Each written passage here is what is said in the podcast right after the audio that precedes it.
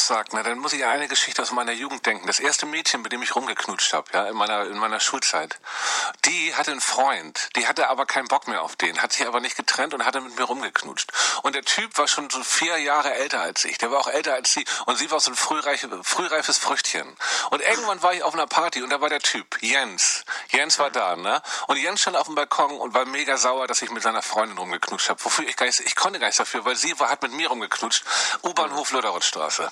Und dann war ich auf der Party, ich hatte tierisch Angst vor Jens gehabt. Und dann sagte Jens, komm, geh mal mit mir raus auf den Balkon, wir unterhalten uns mal ganz kurz. Und dann stehe ich da draußen mit Jens und er so, weißt du was, die Maus, ich, ich mag die Maus echt gerne, die Maus ist so süß, ne? Und die Maus, ich, ich, ich liebe die Maus auch. Und die Maus hat jetzt mit dir irgendwie, und ich die ganze Zeit überlege ich, mit welcher Maus redet der eigentlich? Der, der, ich, und er so, die Maus, ich will die Maus nicht verlieren. Und die Maus ist irgendwie wichtig für mich, ne? Und Männer, die ihre Frau, und ich habe wirklich gedacht, ich habe ich hab gedacht, ich war damals 14 oder 15 so, und ich dachte wirklich, ich arbeite der im Tierladen und verwechselt mich oder was? Was? Welche Maus?